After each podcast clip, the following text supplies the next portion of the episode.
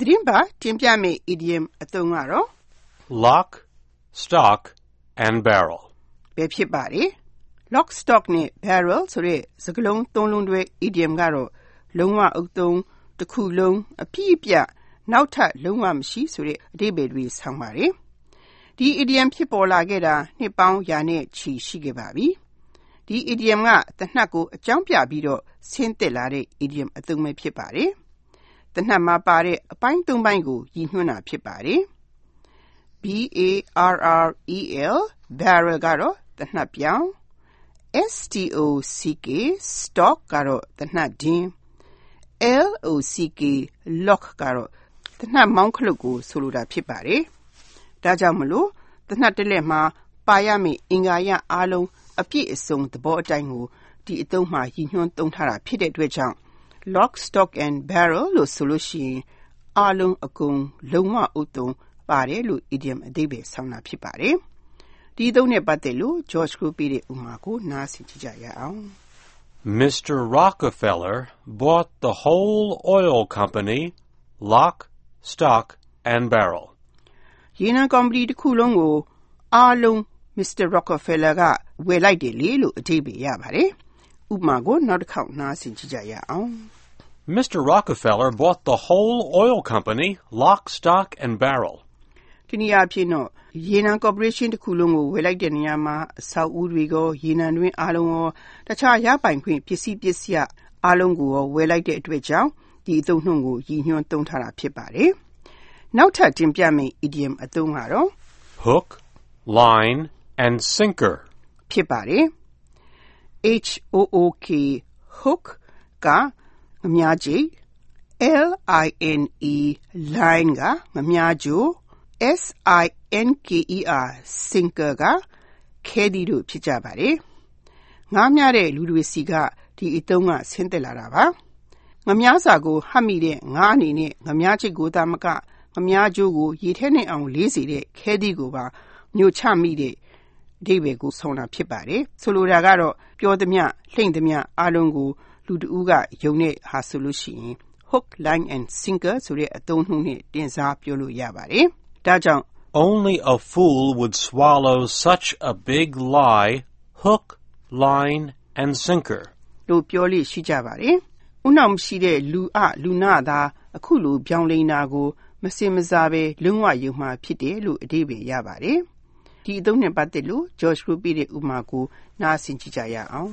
I warned Sally not to believe that man's stories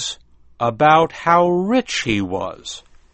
But she swallowed them hook, line, and sinker. After she married him, she found out he owed money to everybody in his office. ကျွန်တော်ဆယ်လီကိုသတိပေးသားပဲဒီလူက သူဘယ်လောက်ချမ်းသာတယ်လဲဆိုတာပြောပြတဲ့အကြောင်းတွေကိုမယုံပါနဲ့လို့ဒါပေမဲ့လို့ဆယ်လီကတော့ဗျာပြောသမျှအားလုံးကိုယုံတာပဲဒီလူနဲ့သူလက်ထပ်ပြီးတဲ့နောက်မှာတော့တယုံလုံးကလူတွေစီမှာသူအကျွေးတင်နေတယ်ဆိုတာကိုသိလာရတယ်လို့အဓိပ္ပာယ်ရပါတယ်ဥပမာကိုနောက်တစ်ခေါက်နားဆင်ကြည့်ကြရအောင် I warned Sally not to believe that man's stories about how rich he was, but she swallowed them hook, line, and sinker. After she married him, she found out he owed money to everybody in his office. နောက်ထပ်တင်ပြမယ့် idiom အသုံးတစ်ခုကတော့ Take it with a pinch of salt. ဖြစ်ပါတယ်။စာလုံးပေါင်းက TO2 TAKE take က to take ကယူပါ IT it ကဒီနေရာမှာနာမ်စားကိုဆိုလိုပြီးတော့ WIT with ကနေ PINCH pinch ကတတို့ OF က off SLAT salt က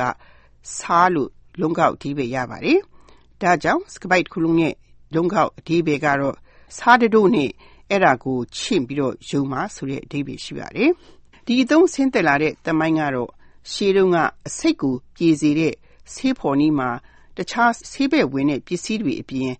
စားတတို့လည်းပါတယ်လို့ဆိုပါတယ်။ဒါကြောင့်မလို့ဘယ်လိုပဲ အန်ဒီရရှိစီမဲ့အစိတ်ကိုပဲခက်ခက်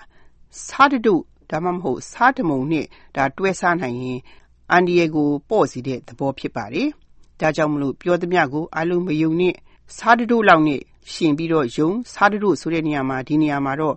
ညအမျော်မြင်ကိုတင်စားပြောတာဖြစ်နိုင်ပါတယ်။ညအမျော်မြင်နဲ့ဆင်ခြင်ပြီးတော့ယုံလို့အဓိပ္ပာယ်ရတာဖြစ်ပါတယ်။စားတတို့အစားနောက်ထပ်အသုံးပြုနိုင်တာကတော့ To take it with a grain of salt. လို့လည်းပြောလို့ရပါတယ်။ဒီနေရာမှာ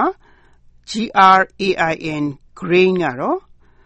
စားတမှုန်ကိုဆိုလိုတာဖြစ်ပါတယ်။ဒါကြောင့်မလို့ pinch နဲ့ grain ဘယ်ဟာပဲတုံတုံဒီအသုံးမှာအစားထိုးလို့သုံးလို့ရပါတယ်။သင်္ကာမကင်းဖြစ်စရာအကြောင်းတစ်ခုကိုစားတမှုန်ဆိုတဲ့အသိပညာဆင်ခြင်ကြုံတရားနဲ့ခတ်ပြီးယုံသိနေလို့တွယ်ဝိုက်အဓိပ္ပာယ်ရတာဖြစ်ပါတယ်။မြန်မာမှာတော့လေလုံးထွားတတ်ကြသူတွေရဲ့စကားကိုသုံးခွက်တစ်ခွက်ကြိုပြီးယုံဆိုသလိုပေါ့ရှင်။ ဒီအသုံးနဲ့ပတ်သက်လို့ George Group ပေးတဲ့ဥပမာကိုနားဆင်ကြည့်ကြရအောင်။ Uncle Tom tells some great stories, but he sometimes makes things up. So we take what he says with a grain of salt. ဦးလေးတောင်ကသူပြောတဲ့အကြောင်းအရာတွေကသိတ်ကိုနားထောင်ကောင်းပါတယ်ဗျာဒါပေမဲ့သူကတခါတလေလှုပ်ပြောတတ်တဲ့အတွက်ကျွန်တော်တို့ကတော့သူပြောသမျှကိုချင့်ပြီးယုံနေဗျာလို့အဓိပ္ပာယ်ရပါတယ် ဥပမာကိုနောက်တစ်ခေါက်နားဆင်ကြည့်ကြရအောင် Uncle Tom tells some great stories, but he sometimes makes things up. So we take what he says with a grain of salt. ဒီကနေ့မနေ့တင်ပြခဲ့တဲ့ idiom အသုံးတွေကတော့ Lock, stock, and barrel. Hook, line, and sinker. Take it with a pinch of salt. တို့ဖြစ်ကြပါတယ်